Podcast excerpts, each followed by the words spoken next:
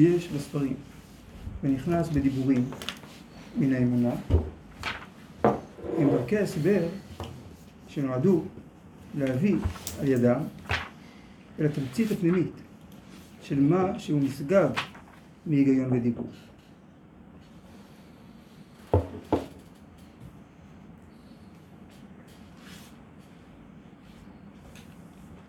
ויש אנשים שבאין יחס לנאמר מן האמונה, אבל ובמעמקי לבבם הם לתמצית הפנימית שלו. ולמרות הריסות אמונתם, עשו מעשים טובים כבירים. אלה הם הרעים מבחוץ וטובים מבפנים. המכוונים לרוח דרא דאיקרא דמשיחא. דאי הוא ביש מלבר וטוב מלגב. בבחינת החמור התמיד, ומכל מקום בתוכיותו וגזה קדושה, שמתוך כך קדוש בבחורה, ונעלהו מגדר הטהרה החולית. עוד מה שיש בספרים ונכנס בדיבורים מן האמונה, ושייך לעין ולאוזן, מה שרואים, מה ששומעים, הם דרכי הסבר. זה לא האמונה, זה דרכי הסבר של האמונה. זה ממשק בין האמונה לבין החיים שבפועל, לבין התודעה, לבין הרצון, לבין הרגש. אז בשביל הממשק הזה צריך לפגוש תובנות, לשמוע דיבורים, לראות ספרים, לקרוא דברים, שמה הם עושים? מעוררים משהו שהוא יותר ממילים, שהוא יותר עמוק מדיבורים, שזה תמצית האמונה.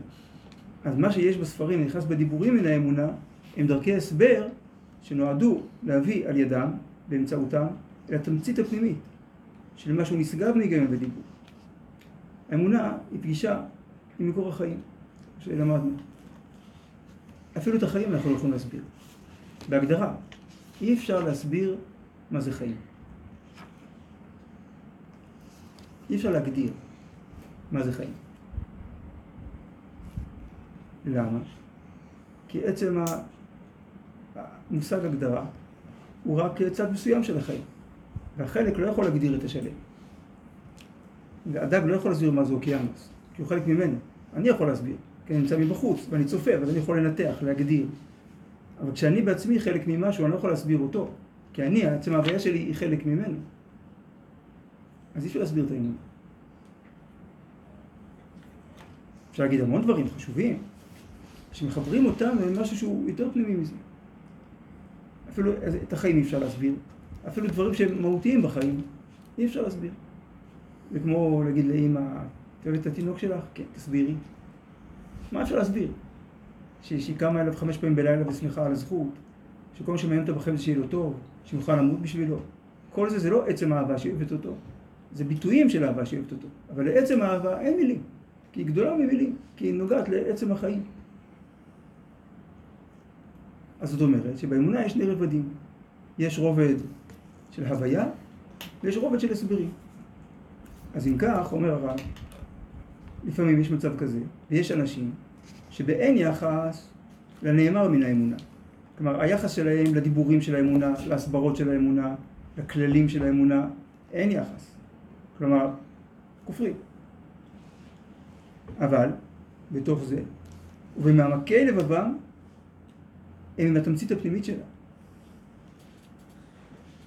לב זה מרכז החיים, ומעמקי לבבם, בעומק של המרכז החיים, שורש של הכל, הם עם התמצית הפנימית, אותה תמצית פנימית של אמונה. ומה זה מתבטא? ולמרות הריסות אמונתם, עשו מעשים טובים כבירים. למה שאדם חושב שהכל חומר, ושכל אחד באמת דואג רק לעצמו? למה שהוא יעשה מעשים טובים כבירים? למה שימסור את נפשו על גאולת ישראל? כי הוא מאמין. מאמין בנצח ישראל, בצור ישראל, וגואלו, גם אם הוא לא קורא לזה בדיוק כך. לפעמים אה, לוחם שהתנדב לעשות משהו מאוד מסוכן וקיבל צל"ש. אחרי שואלים אותו, מה נתן לך את הכוח לעשות את זה? לפעמים עוזרים כאלה טיפשיים שזה מביך. עשיתי את זה בשביל המשפחה שלי, באמת. אם המשפחה שלך יקרה לך, למה התנדבת לעשות משהו שיקטין את הסיכויים שלך להיפגש איתה אי פעם? עשיתי את זה בשביל החבר'ה. מה באמת? מוכן למות בשביל החבר'ה? אין לך גבולות? מה, מה רוצה לומר באמת? עשיתי את זה בשביל הכלל. זה לא משהו פרטי, אינטרסנטי, זה משהו כללי. כלומר, לא מכיר את המילים האלה. אז הוא אומר את המושג הכי כללי שהוא מכיר, משפחה, חבר'ה. כלומר, הכוונה זה לא אני, זה משהו גדול עליי. אז אתה רואה שבפועל מה שמקיים אותו, מה שמחיה אותו, זה התמצית הפנימית של האמונה. החיבור אל הכלל, החיבור לנשמת ישראל. רק הוא לא מכיר את הטרמינולוגיה הזאת, את עולם המושגים הזה, אז הוא נותן איזה מילים אחרות. אבל זה בדיוק זה. מבוש הביצות וההעפלה וכל אה, אנשי כל מערכות הביטחון עד היום. ועוד הרבה אנשים טובים, שעושים הרבה דברים טובים. הרב, אבל אצל גויים אין אה, דברים כאלה. יש משהו אחר, יש פטריוטיזם, יש גבורה, שהפרט מוכן למסור את עצמו על הכלל, אבל זה על הכלל שלו, שהוא מכיר, על המדינה שלו, אבל זה לא קדושה, כי הכלל הזה בעצמו, האומה שלו יום אחד היא תיגמר, בגלל שהגויים, אומות העולם הן מתחלפות. נכון? כאילו כל אומה היא קמה, מגיעה לשיא ואחרי זה היא מתפוררת בסוף. אז יוצא שכל המסירות נפש שלו היא זמנית, זה סוג של אינטרס, שאדם מוסר את עצמו בשביל הכלל. בעם ישראל, הוא מוסר את עצמו על, על עם ישראל לדורותיו, כלומר על הנצח, על שם השם בעולם, שזה המשמעות של עם ישראל. כש, כשחייל מסכן, נגיד, חיילי צה"ל מחלצים יהודים מאתיופיה, או עושים דברים, כאילו, זה לא, זה לא משהו קיומי ברמה של פה, השתלטו עלינו, אז אנחנו... משהו של החיבור לעם ישראל, לעם ישראל לדורותיו.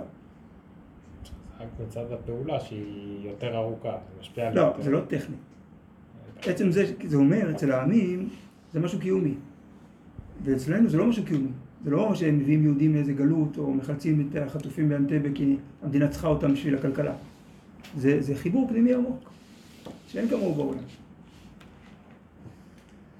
המסירות על חייל נהדר, שבוי, אין דברים כאלה בעולם.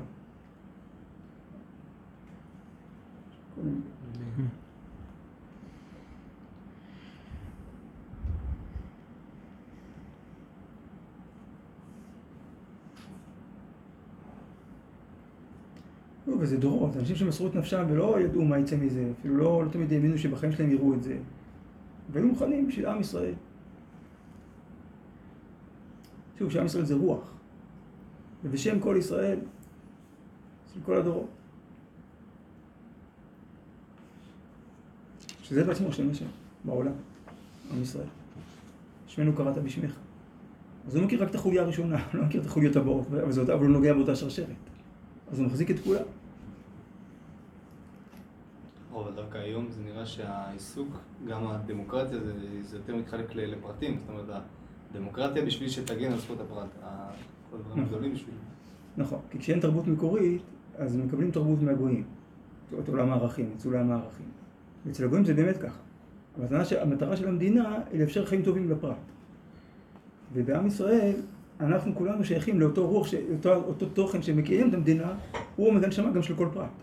אז בעם ישראל זה לא סתירה. הגויים זה כמו נדנדה. אם זה יותר כללי, אתה פחות פרטי. אם אתה יותר פרטי, אתה פחות כללי. אז מה משרת את מה? נגיד בארצות קומוניסטיות יש את האתגר של המדינה, והפרטים אה, יימחקו בשבילו. ובארצות המערב, בתרבות ליברלית, אז הפרט הוא העיקר, והתפקיד של המדינה היא להפריע כמה שפחות ולספק לו כמה שיותר שירותים. ובעם ישראל זה לא זה ולא זה. זה, זה, כל אחד מאיתנו הוא גוון ייחודי של הקודש בעולם, שהוא זה גם שמקיים את הכלל. זה ספר תורה והאותיות שלו. שאם אין אות אחת, כל הספר פגום. אז הכל בשביל הפרט, והפרט בשביל הכלל. וזה חוזר חלילה.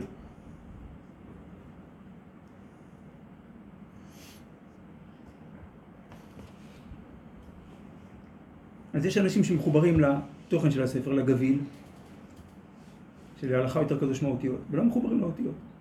לא מבינים אותם, לא מזדהים איתם. אבל הם עושים מעשים טובים כבירים למען עם ישראל. אלה הם הרעים מבחוץ וטובים מבפנים.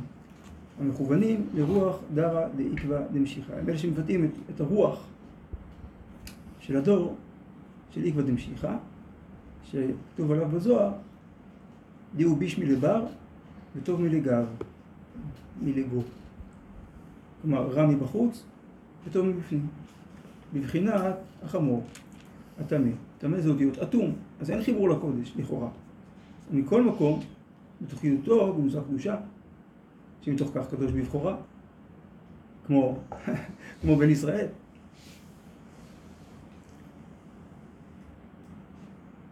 אז עגל מותר לאכול, ואין לו קדושת, אה, לא צריך לפדות אותו.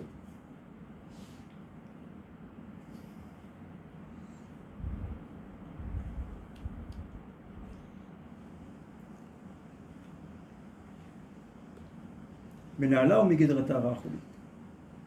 כי קדושה זה יותר מטהרה. למדתם מכיר התקנה? נכון, אז אתם מכירים את זה. אתם מכירים את זה. לא למדנו הכל. מה? לא למדנו הכל.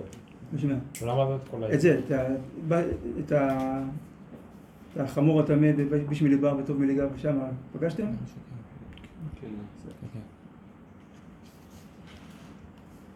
כ"ח. מה שמבינים את האמונה בצורה מקולקלת, קטנה וחשוכה, גורם לכפירה שתישא את ראשה. וזוהי המגמה ההשכיחית בבניין העולם של מציאות רגש הכפירה בכל תיאוריה, תיאוריה זה התיאוריות שלה, כדי להעיר את כוח החיים שבאמונה בכל לב. למען תבוא האמונה למרום מעלתה, עד שתכלול עימה גם את הטוב הכלול בתכנים התיאוריים של הכפרנות, ותהיה אמונה שלמה בכל מילואיה. אז יוותר כל התוכן של הכלכלה שהכפירה עושה בעולם לטובה, וגם האבדון הכפ- הכפרני ישוב להיות טרקלין מלא עדן. וישם מדברה כעדן, ואהבתה כגן השם.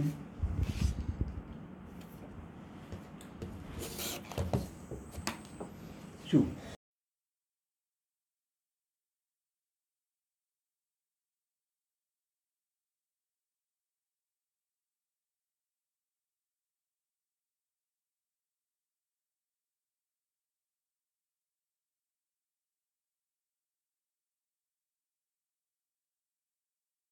זה גדול ברוחני זה בעל משמעות יותר כללית. וזכה לגוי גדול, גוי, גוי גדול זה עם כללי, עם שאכפת לו, שמחובר, נבחרו בך כל משפחות האדם. גם פרשה שלנו, פרשת בית חנן, מי גוי גדול אשר לא אלוקים קרובים אליו, ומי גוי גדול אשר לא חוקרים משפטים צדיקים. החיבור הזה לאינסוף זה גודל, זה עם שחי את הגודל של, של כל המציאות. לא תופס איזה פינה במציאות, חי אותה עד שהוא, עד שתיגמר הבטריה. אז האמונה שלנו היא גדולה, היא המשמעות של כל החיים. ואם תופסים את האמונה בטעות בתור פן אחד של החיים, צד אחד בחיים, אז צריך להיות קיצוני, יש להיות צדדים בחיים, פתאום שהאמונה עוד אחד, אחד כנגד זכור, אחד כנגד שמור, שזה במקום. אז מה היה עד עכשיו? ספק.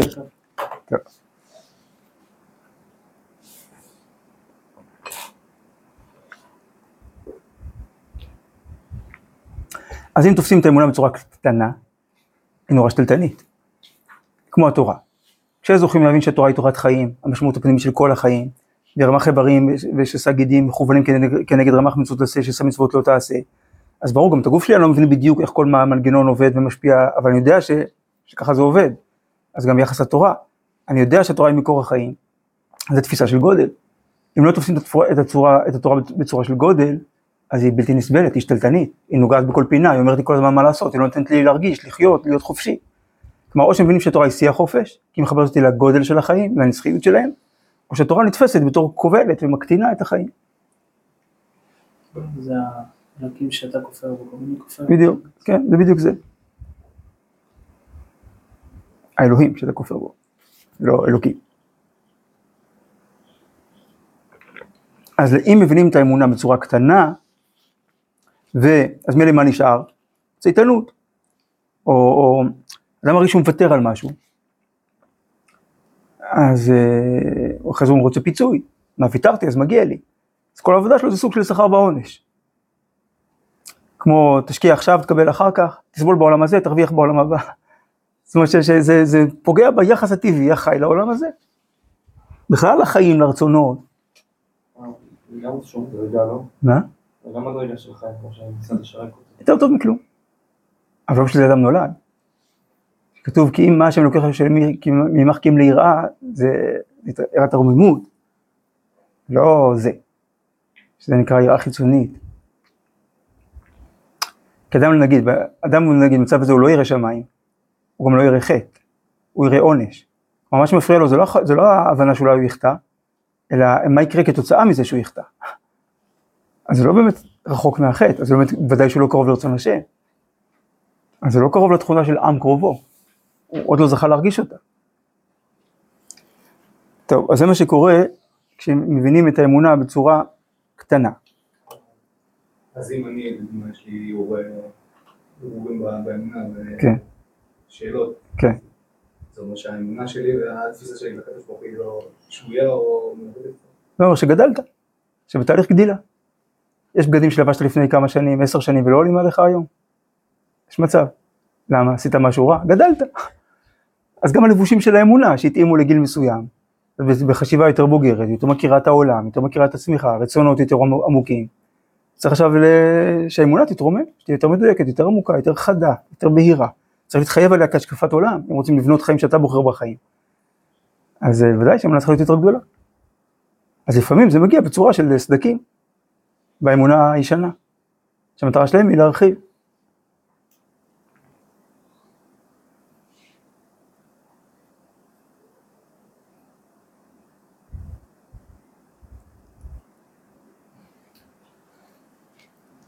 אם תופסים את האמונה בצורה קטנה וחשוכה, אור תמיד זה משמעות, תורה אור. אז מה זה חשוכה? חסרת משמעות. אז מה נשאר? אמרנו צייתנות. זה מה שגורם לכפירה שתישא את ראשה. ספר האמונה הראשון שהתקבל בתפוצות ישראל, היה ספר יסוד, אמונות ודעות, של רבינו סעדיה גאון. אז בהתחלה הוא מביא שמונה סיבות לכפירה. ואחת הסיבות שאנשים שומעים דיבורים בשם אנשים שכאילו מייצגים את האמונה, אבל דיבורים קטנים, עלובים, לא חכמים. אז הם אומרים, אם זה אמונה, אני לא מאמין.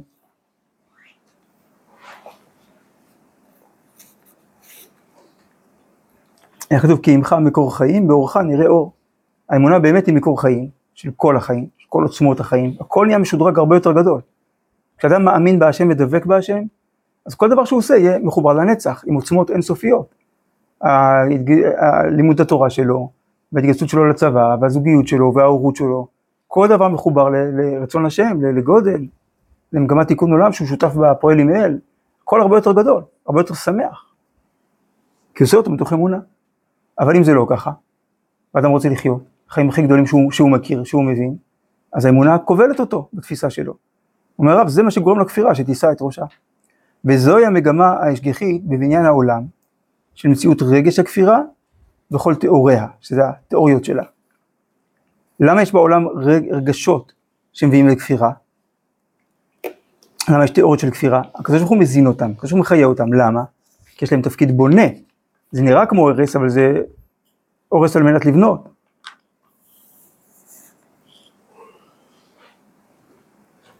מה המטרה? להעיר, כדי להעיר את כוח החיים שבאמונה בכל לב. להעיר, זאת אומרת שהאמונה לפעמים ישנה, אני ישנה וליבי ער. אז צריך שהלב יהיה נוכח, צריך להתעורר. אז המטרה של הכפירה היא להעיר את כוח החיים שבאמונה בכל לב. הוא יופיע במרכז החיים. למען תבוא האמונה למרום מעלתה, עד שתכלול עימה גם את הטוב הכלול בתכנים התיאוריים של הכפירה, של הכפרנות.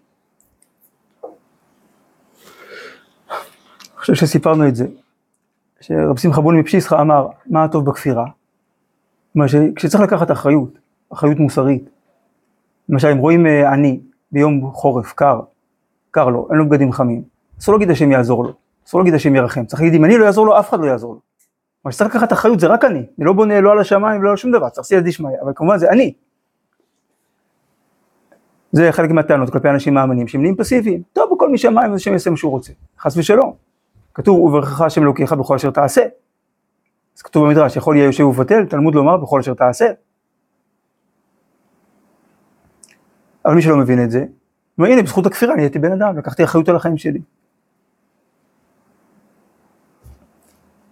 אז צריך אמונה כזאת שכוללת גם את כל הטוב שבכפירה.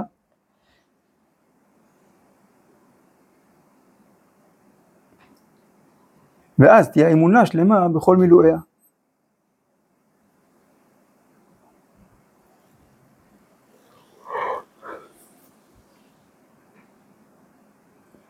אז ייוותר כל התוכן של הכלכלה שהכפירה עושה בעולם לטובה. נראה לי שזה על פי הפסוק ש... והסירותי דמיו מפיו ושיקוציו מבין שיניו ונותר גם הוא לאלוקינו. אז זה ה"ונותר". כלומר יחזור בסוף, גם אחרי שיוציאו את כל הקלקולים, אז הקודש יתגדל בהופעה שלו בעולם. וגם האבדון הכופרני, זה המקום של הכפירה, ככה הוא נקרא, אבדון. שום מקום, כי יודע השם, דרך צדיקים, דרך רשעים תאבד. אז גם האבדון הזה, שוב להיות טרקלין, לא פרוזדור, אלא מקום של תכלית. מלא עדן. עדן זה המקום שבו מתממשת המגמה האלוקית המקורית.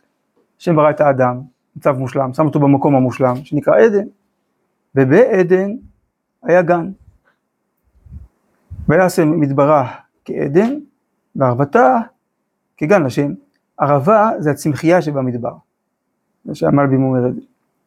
אז המדבר יהיה מקום ששום דבר לא צומח בו, הוא יהיה עדן, והערבה, הצמחייה הזאת תהפוך להיות גן השם. הנטייה האלוקית המקורית.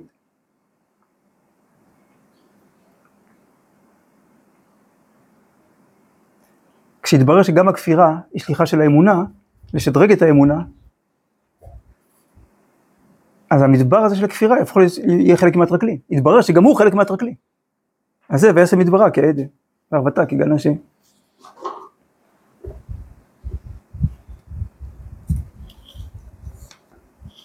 יש סיפור, זוכר אם סיפרתי לכם, אה,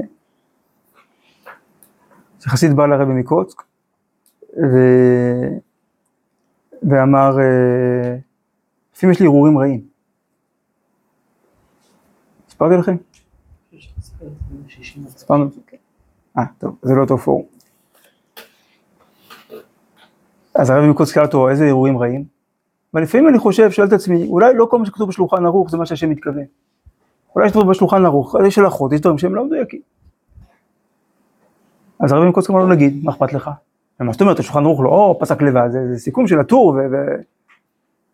ודברי הראשונים. אמר לו, אז מה, מה, אז אם יש בשולחן ערוך דברים לא נכונים, זאת אומרת שיש בטור ובראשונים דברים לא נכונים? אז אמר לו, נגיד, מה אכפת לך? ומה זאת אומרת, הראשונים לא, אה, זה, פסקו לעצמם, הם לקחו מהגמרא, מהמשנה. אז אם יש ב, ב, בראשונים דברים לא נכונים, יכול להיות שיש בגמרא, במשנה דברים לא נכונים? אמר נגיד, מה אכפת לך? מה זאת אומרת, המשנה זה סיכום, זה, זה, זה התורה, מה, זה יכול להיות שיש בתורה דברים לא נכונים? אז נגיד, מה אכפת לך? אז התחיל לבכות, אז מה הטעם לחיות? אז מה אנחנו עושים פה בעולם? אז, הרב מקוצק אמר, אתה רואה, זה לא אירועים רעים, זה אירועים טובים מאוד. כלומר, לפעמים הבירור הזה, שהתורה היא החיים ואין חיים אחרים, הוא עובר דרך שאלות. שלפעמים הן נוקבות, אבל אם שומעים אותם בצורה אמיתית, לא שאדם מסמן לעצמו מטרה, להשתחרר מעול מצוות, ואז הוא מחפש תירוצים, ואז הוא ממציא שאלות, אלא באמת רוצה לברר את האמת, אז הוא משדרג את האמונה שלו.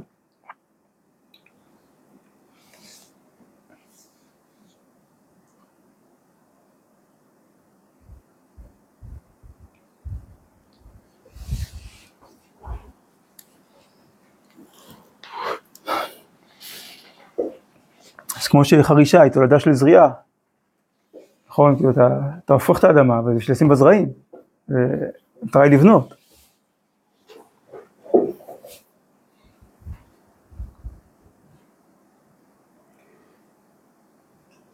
טוב, הנה באמת הפסקה הבאה מדברת קצת על האמונה הנמוכה. גם, כ"ט. האמונה משמשת בצד הגבוה שלה להעלות את רוח האדם למדרגת אומץ כזה שלא יוכל לבוא לו מבלעדה. אבל בצד הנמוך שלה משמשת היא לרכך לב האדם, שלא יהיה קשה יותר מדי. רכות הלב היא מצד עצמה אחת מהטינות שהאנושיות משתדלת בהתפתחותה להיפטר ממנה, אבל תמיד היא נדרשת לה, לקיומה או לשכלולה, מידה זו, השנואה כל כך לכל החפצים וגבורה.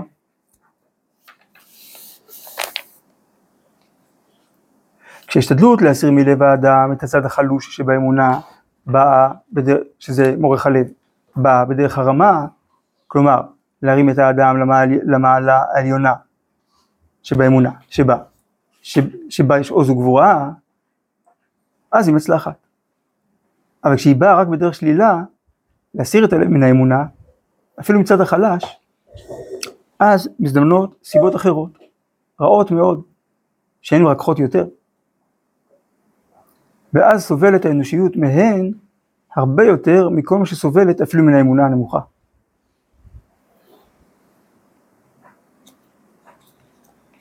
עוד פעם.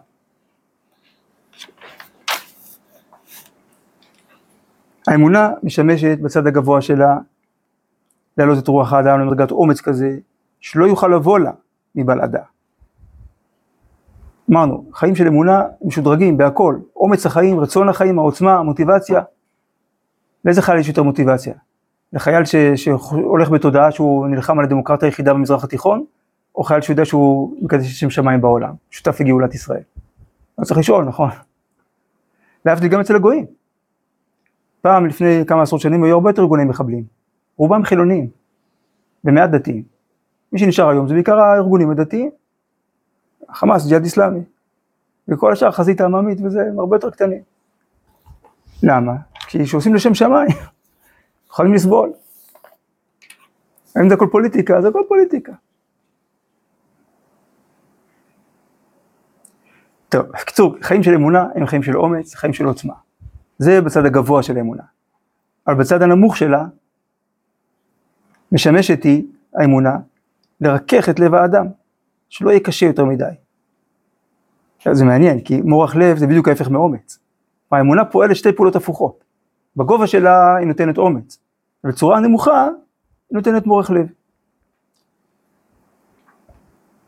למה? כי בלי אמונה, אדם באמת עלול להיות קשה, בלי גבול. כן, אפילו, לא יודע, אפילו, לא יודע, מאפיונר שמחסל בני אדם, אבל הוא רואה שם תינוק, לא, די, יש לי אלוהים. הרגע אתה הולך לחסל בן אדם. לא, יש גבולות. זה מורך לב שיש לו מהאמונה.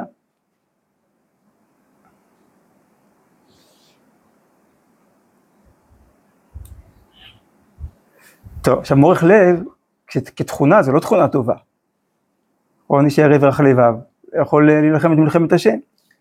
אומר הרב, רכות הלב היא מצד עצמה אחת מהטינות שהאנושיות משתדלת בהתפתחותה להיפטר ממנה, אבל תמיד היא נדרשת לה, לאנושיות, לקיומה ולשכלולה, מידה זו, של מורך לב, השנואה כל כך בכל החפצים בגבורה. טוב, אז יש בצד, באמונה אמרנו צד חלש שהוא מורך לב. ואז באים אנשים ואומרים, תאמינו בעצמכם, תחיו חיים עוצמתיים, תעשו מה שאתם רוצים, מה אתם מפחדים?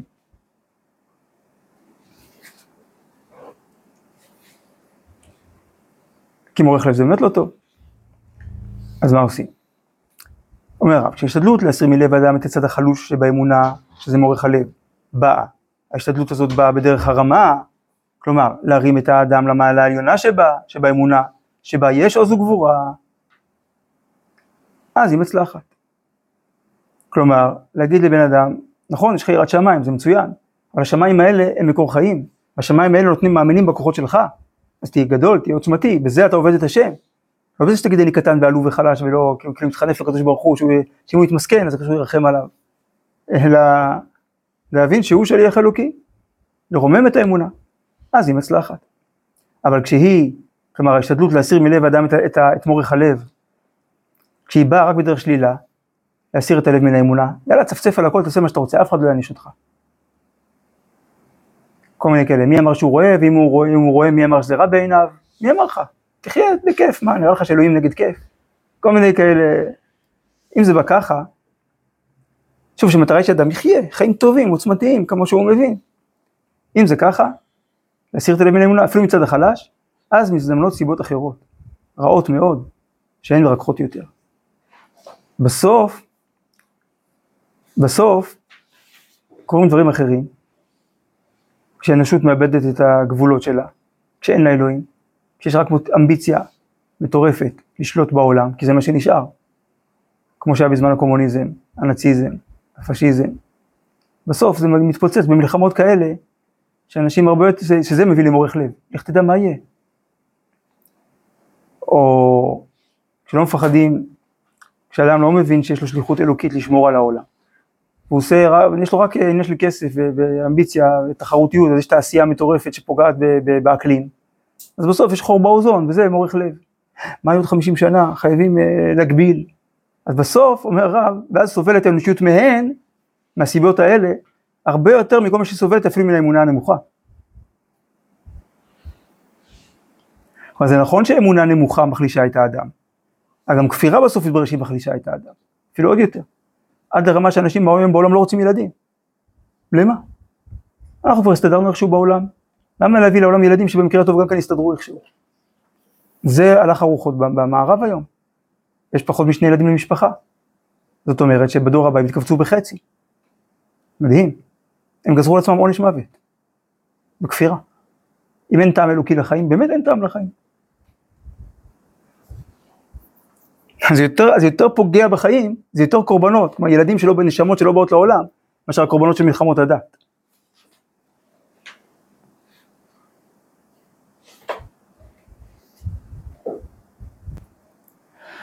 למה? בתוך חללה של האמונה, הכוונה המרחב הרוח הכללי של האמונה, גם האמונה הנמוכה יש בה תועלת. אבל להנהיג את החיים אין רשות כי אם לאמונה הגבוהה. וכאשר הרשמיים של האמונה, הרשמיים, או שזה מייצגי האמונה הרשמיים, או שזה הטיפוסים שמעצבים את ציור האמונה בעיני הציבור. מה נראה לאנשים, מי הוא, מי הוא מאמין, מה הטיפוס של המאמין, איך נראית אישיות של מאמין. אז אם ככה, זה הדימוי של אמונה בציבור. נחלתה מהאמונה הנמוכה, התרבות מגרשת אותם מגבול הנהגת החיים, כי התרבות שואפת קדימה. ואין הדבר תרופה, כי אם לשוב לאמונה הגבוהה. תשובה, תשוב ה', ה' הילה. יש ה' תתא, שזה האדנות האלוקית, יש בורא לעולם, יש בוס שאני מחויב לו, ויש תשובה הילאה. תשובה הילאה זה שייך ל... לבינה, להבנה העמוקה.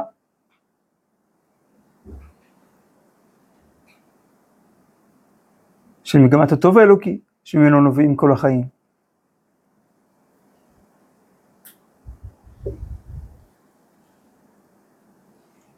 אז אם יש משבר באמונה, המטרה היא לגדול. ל"א כן. עוד פעם, בתוך חללה של האמונה, בתוך המרחב הגדול הזה שנקרא אמונה, כל עולם הרוח הזה, גם האמונה המנוחה, הנמוכה, יש בה תועלת. כלומר, גם הדימוי של האדם, אמרנו, של אלוהים בתור שוטר, שדע לך, מצלמים אותך, מקליטים אותך, אתה תיתן דין וחשבון, זה גם עוזר. להיות מוסרי, לרכך קצת את קושי הלב. אבל להנהיג את החיים, בסופו של דבר, אין רשות כי אם לאמונה הגבוהה, לגודל, לחיבור לרצון השם. ואם אלה שכאילו מייצגים את האמונה הם אנשים של אמונה נמוכה, אז התרבות מגרשת אותם מגבול הנהגת החיים, כי רוצים חיים גדולים, מה שקרה ברנסאנס. במקום שהכנסייה תשתלט על החיים, תדכא אותם, לא תיתן ליצור, תכבול את המדע, תכבול את האומנות. היום אנשים שמפחדים, יש היום יש מחלה שנקראת הדתופוביה, אנשים שמפחדים מהדתה. ממה זה נובע? אומרים מה, יהיה פה איראן, החיים פה יהיו חסומים, אפשר יהיה לחשוב, אפשר יהיה ליצור, אפשר לדבר, אפשר יהיה לבלות. כי הדתיים יהרסו כולם את החיים. זה אומר שזה הדימוי של אמונה. אז התרבות מגרשת אותם מהנהגת החיים. לא תקטינו אותנו, לא תשתלטו עלינו. אז הכל דמיון, כמובן. ואין הדבר תשובה, תרופה, כי אם לשוב לאמונה הגבוהה.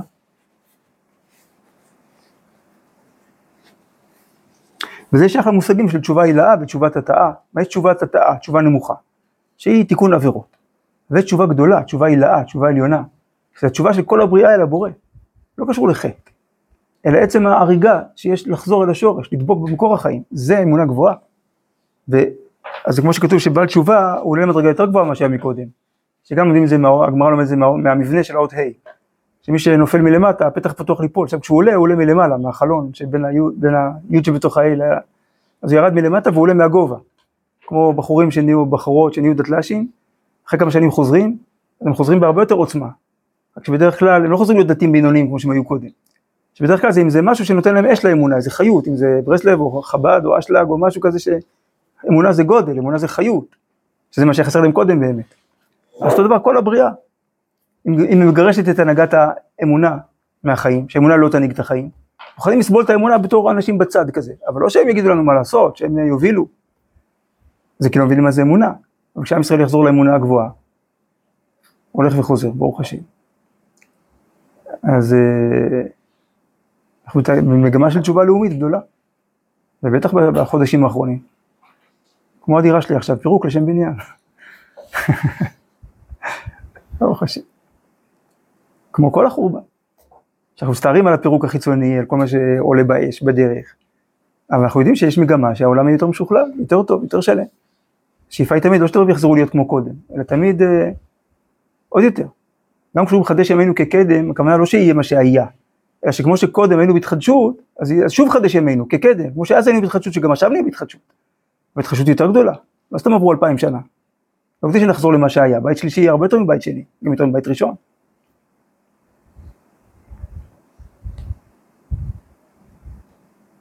בית ראשון היה יותר מבית שני. כן, הוא היה יותר. כי בית שני היה רק הפסקה, הוא לא היה הבית הנצחי. הרי יש בתורה כבר איך ייראה אחרית הימים ואיך תראה גאולה השלמה, ובית שני ידעו שזה לא זה עדיין. כלומר גם בזמן הבית שני ידעו שהוא זמני. כן, גם. באמת זה היה ירידה שלא הושלמה עדיין. ל"א, הכרח הוא, כדי לשוב לביצרון של האמונה, שתשוב ותחיה בתוך כל נשמה, להיות עסוק באורחות השכל היותר גנוז, שבו עולים למעלה מכל הגדרה. ומתמלאה היא הנשמה חיים מלאים בדעת וכישרון.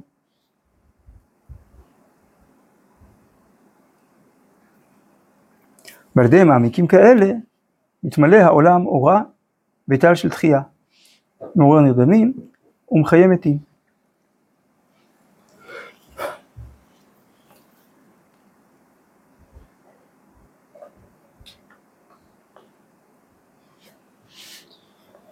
עוד פעם, הכרח הוא כדי לשוב לביצרון של האמונה, או שובו לביצרון, שיהיה עוצמה גדולה כמו מבצר, כלומר שתשוב ותחיה בתוך כל נשמה, אז שזה הכרח להיות עסוק באורחות השכל היותר גנוז, שבו עולים למעלה מכל הגדרה.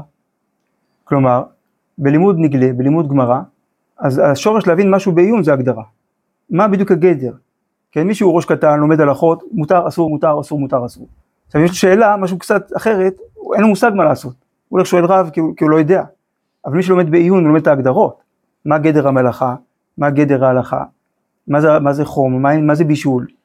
ואז, אה, ו, ואז הוא מבין גם את, את השלבים הבאים, גם מה שהוא לא למד במפורש, הוא לומד, אה, לומד דבר מדבר, אם יש לו כבר סברה כזאת אה, ברמה הזאת. אז ב, ב, בלימוד עיוני, גם בקודש, גם להבדיל בחול, הכי חשוב זה לדעת להגדיר דברים. בלימוד אמונה, בלימוד פנימיות, העניין זה לא ההגדרה, ההגדרה באה אחר כך. העניין זה הקשבה פנימית. לתוכן שוק שלעצמו אין לו מילים, אבל הוא נוגע, הוא פורט על איזשהו מיתר בנפש שקולטת, שהיא פה פוגשת הקדוש ברוך הוא באיזשהו ערוץ מיוחד. ואחרי זה עם הזמן היא לומדת לתת לו מילים והגדרות והבנות. אבל לדבוק בהשם זה לא לא לדבוק במישהו, בתכונה מסוימת, זה באין סוף, בעצמו, שאין סוף, שאני לא יודע להגיד שום דבר, מילה מה הוא כן, אני רק אומר, אין לו סוף, אין לו הגבלה.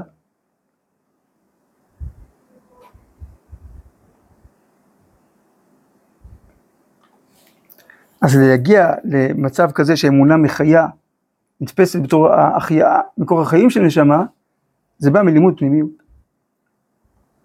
ואז הוא התמלאה היא, הנשמה, כביכול מעצמה. חיים מלאים בדעת וכישרון. לא רק הבנות, אלא באמונתו יחיה, ואז המילוי של זה זה דעת וכישרון. כישרון זה מוסר. בקהלת, ראיתי את כל כישרון המעשה, כמובן מעשים מוסריים, מעשים כשרים.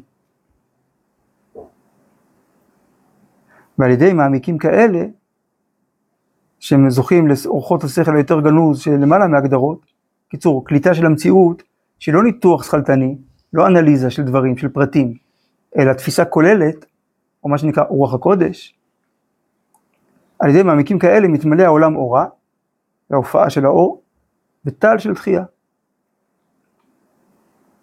מעורר נרדמים ומחי מתים, זה הברייתא של סוף מסילת ישרים, שרוח הקודש מביאה לידי תחיית המתים.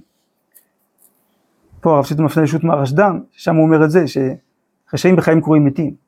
אז רוח הקודש מביאה לידי תחיית המתים, זה היכולת להחזיר בתשובה. שאדם כל כך עליון, שכל מי ש, שגם ברמה סגולית, וגם כל מי שמגיע בו, מגיע לאיזשהו מגע איתו, מתמגנט. יש לו הרהורי תשובה.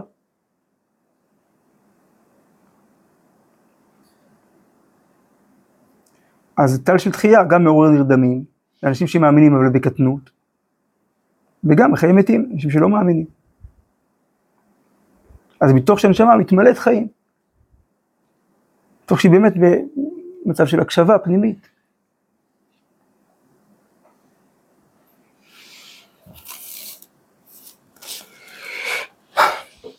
ל"ב לוקחים הם גדולי העולם את היסוד הטבעי של האמונה ממקום התחתיתי שלו, תחתיתי כוונה בסיסי, גם הנמוך, ומעלים אותו. מזקקים אותו ומעדנים אותו, מזקקים זה הסור מרע, עשית פסולת מתוך האוכל, ולעדן זה העשה טוב, זה להגיע אל העדן, אל המקוריות.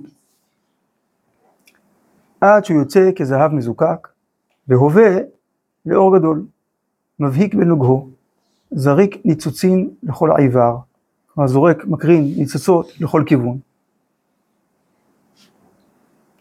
בכל העולם כולו מואר מכבודו. כבוד זה פנימיות, כמו העדן. וזאתי העבודה התדירית של צדיקים הגדולים, איתני העולם, איתן זה יסוד, היסוד המוצק של העולם, צדיק יסוד עולם, לרומם את האמונה משפלותה, לצרוף את סיגיה, זה בסור מרע, וישבה על מכונתה, זה עשה טוב, ישיבה זה קביעות.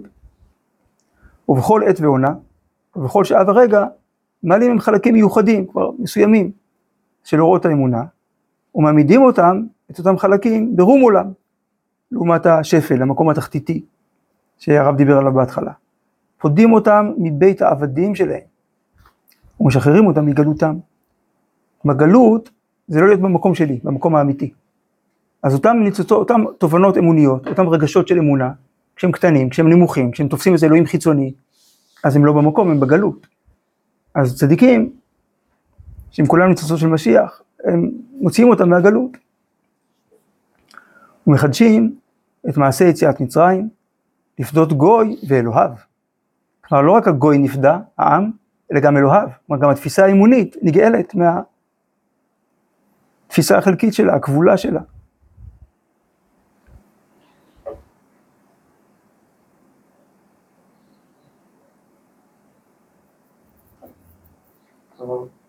זה קשור ליציאת מצרים. ביציאת מצרים זה ה... אברהם אבינו הוא משחרר את כל העולם. זה שהוא משחרר אותו מכ- מכבלי האליליות, החלקיות, הזמניות, הכוחניות, מעלה אותו לתפיסה של טוב, טוב אינסופי, של טוב השם לכל, של כי דעתי ולמה שרצה בית בניו ולביתו אחריו, תפיסת עולם של נצח. ואחר כך זה משתכלל ליצחק, ליעקב, עכשיו העניין אלוקי מתגלה בקהל, כבר יש ציבור, ואז הציבור הזה בדרך לקבלת התורה, בדרך לנשמה שלו, חייב לעבור במיצר החנוק הזה. אז זה לא רק טכנית שהוא גר במקום אחר, או שהוא עובד עבודת פרך, האמונה שלו נהיית קטנה ומצומצמת. טוב, ונצעק אל השם אלוקי אבותינו, אז חלק מהמפרשים מסבירים, כמו אדם ש, שלא יודע מילים, רק יש לו רק תחושה טבעית, "אה". זה ככה נראתה האמונה. אז אה, מי שנפדה ממצרים זה גוי ואלוקה. כמו גם עמו אנוכי בצרה, איפה שעם ישראל נמצא. כל מקום שגלו ישראל, שכינה עמהם. וגם העניין של הגאולה האחרונה, זה כמו שהרמב"ם כותב, ומלא ארץ דיית השם, כמה הם להם מכסים, לזה חותרים.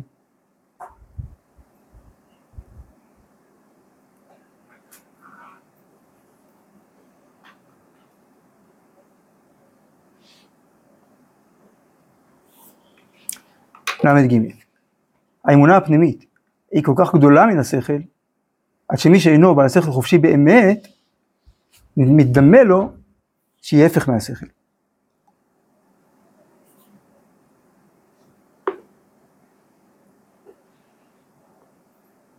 עוד פעם, האמונה הפנימית, אמרנו לא מילים של אמונה, תובנות של אמונה, אלא עצם המפגש הפנימי עם מקור החיים, היא כל כך גדולה מן השכל, ראשית חוכמה, יראת השם, זה לא החוכמה, זה השורש של החוכמה. אז השכל באמת קטן עליה, כי השכל יכול לנתח רק מושגים חלקיים. כשהשכל שומע מושג כמו נצח, או, או אין סוף, אין לו מה לעשות עם זה, הוא, הוא, הוא כאילו הפיוז קופץ והוא נהיה חושך. לא כי זה לא קיים, לא כי זה לא אמיתי, אבל זה כל כך קיים, כל כך אמיתי, שפשוט השכל הוא רק ערוץ מסוים להיפגש עם החיים. לא הכל שכל. אבל פה השכל אומר, טוב, פה אין לי מה לומר, נגמרו לי המילים. אז האמונה הפנימית היא כל כך גדולה מן השכל, עד שמי שאינו בעל שכל חופשי באמת, מה הכוונה שכל חופשי? חופשי מהכבלים של העולם הזה. לא, רק מה שאני רואה, רק מה שאני מבין קיים. מה שלא, מבחינתי לא רלוונטי. מה זה אומר? שהוא כבול לחושים, או כבול לרציו האנושי. אז זה לא באמת שכל, זה, זה התמכרות. אז אדם כזה, שהוא שבוי בחיצוניות של השכל, מתדמה לו, נדמה לו, שהיא האמונה, ההפך מהשכל. מה, זה לא הגיוני להאמין. אני בן אדם הגיוני, אני רציונליסט. אני לא פתי מאמין לכל דבר. זה רק אומר שהוא שבוי בקטנות, בכמותיות, במדיד. טוב, אז איך תדע שזה לא עובדים עליך? כי אם זה לא כמותי ולא מדיד, אז כולם מספרים סיפורים. כן, הסיפור של עם ישראל הוא סיפור אחר לגמרי. הסיפור של עם ישראל זה סיפור של 3,300 שנה עובד. כל מה שכתוב בתורה שיקרה קרה, קורה, לנגד עינינו. אנחנו קיבוץ גלויות, שכתוב פרשת וילך, גם פרשת ויתחנן, בשר לך ומצוך באחרית הימים, פרשת ויתחנן. פלא, אף אחד לא יכול לנחש את זה. אלפיים שנה קודם. והנה זה קורה לעינינו. אז אם השכל לא מבין בדיוק כל פרט בזה, ברור למה שהוא יבין. גם את הגוף שלו אנחנו לא מבינים. למרות שהוא שלנו והוא כן בשר ודם, לא כאילו הצלחנו. יש בו באמת פלאים וסודות. את הנפש לא כל שכן שאנחנו לא מבינים, למרות זה הנפש שלנו. אז את כל העולם, את כל ההיסטוריה, את המשמעות של כל הבריאה. אין לנו כלים להבין בשכל את כל זה. אבל זה לא אומר שזה פחות קיים. אני צריך גם ענווה. כמו שכתוב בירושלים, מה שעשתה חוכמה, עטרה לראשה, עשתה ענווה, כל בסוייתה. מאיפה שנגמרת החוכמה, השפיץ של החוכמה זה תחתית הענווה. שהיא באמת פותחת פתח לאינסוף. האיש משה ענב מכל האדם, אז הוא יכול לקבל תורה. כי הוא לא מתנה תנאים, כי הוא לא כובל את התוכן האלוקי להבנות שלו. בשביל זה צריך ענווה, להיות שקוף, אספקה מהירה.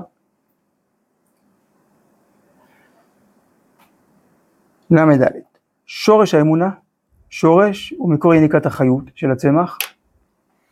אז מקור יניקת החיות של האמונה הוא להביע בפנימיות הנשמה את גדולת האינסוף.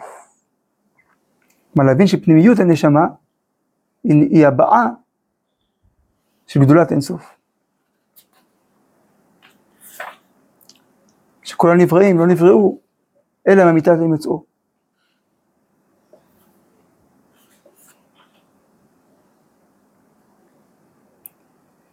טוב, עד עונה לך אמונה, מתכוונת לחזור, לחזור על המילים, לחזור על הידיעות הפנימיות. שעה טובה.